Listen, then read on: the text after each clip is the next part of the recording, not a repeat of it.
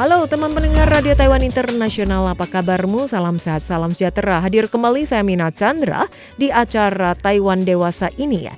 Amina akan mengupas informasi teraktual terkini yang marak dibicarakan oleh masyarakat Taiwan. Nah, ada apa tentang Taiwan akan dibagikan dalam acara Taiwan Dewasa ini. Berharap sajian informasi yang Amina sajikan juga bisa menarik perhatian teman-teman serta menambah wawasan bagi kita semua.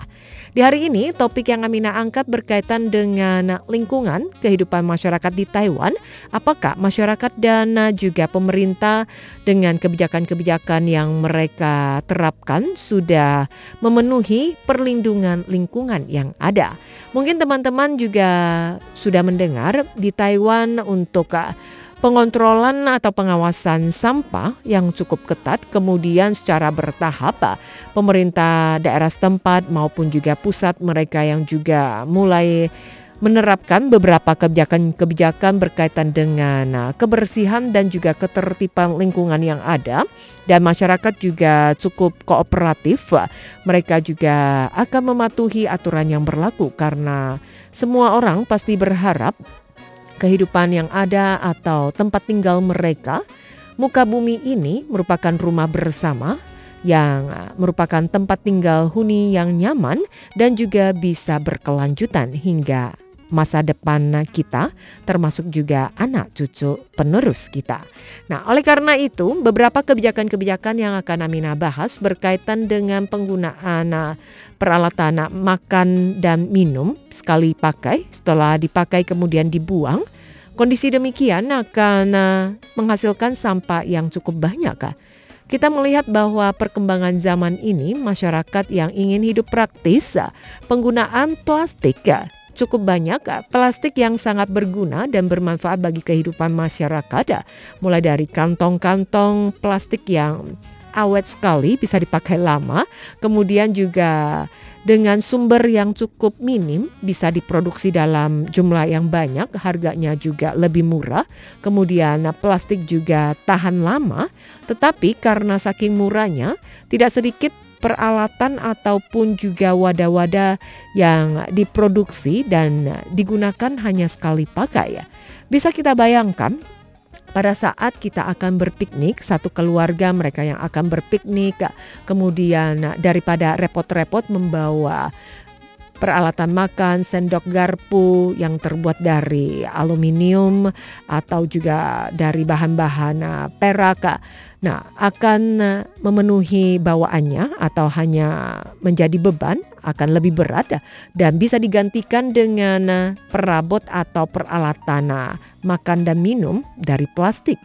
Tetapi barang-barang plastik tersebut yang hanya digunakan sekali pakai, setelah mereka pakai langsung dibuang Bisakah kita bayangkan setiap keluarga pada saat berpiknik, katakanlah satu keluarga empat orang atau enam orang bahkan ada yang delapan orang dengan menggunakan peralatan makan dan minum sekali pakai, kemudian setelah dipakai langsung dibuang, kemudian untuk menu berikutnya menggunakan yang baru lagi ya. Nah, bisakah kita bayangkan berapa banyak sampah-sampah plastik yang sulit terurai di dalam tanah tidak bisa terurai atau tidak bisa dibakar, tidak bisa ditanam, tidak terurai.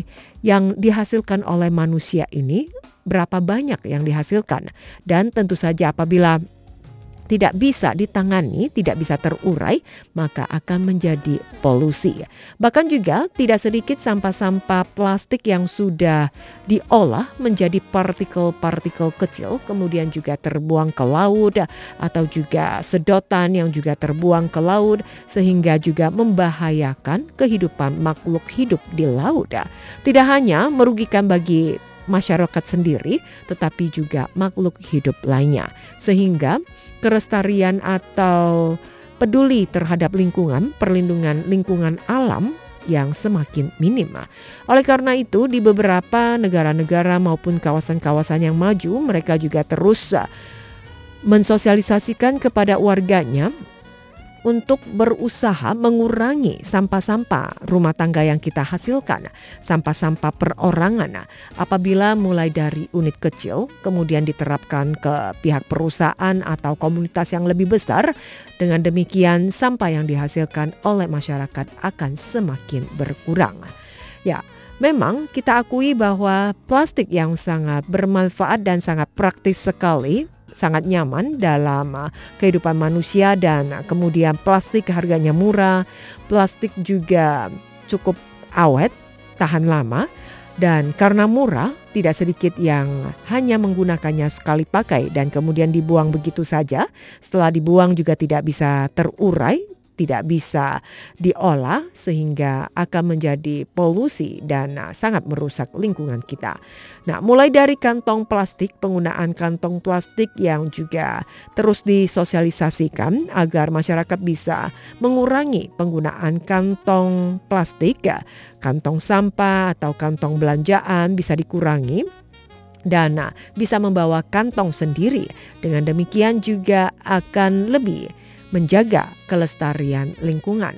Nah, kita juga melihat bahwa di Taiwan banyak sekali toko-toko minuman cepat. Kita tinggal memesan tanpa harus menyediakan wadah untuk menyimpan minuman tersebut yang sudah disediakan adalah gelas-gelas yang terbuat dari plastik.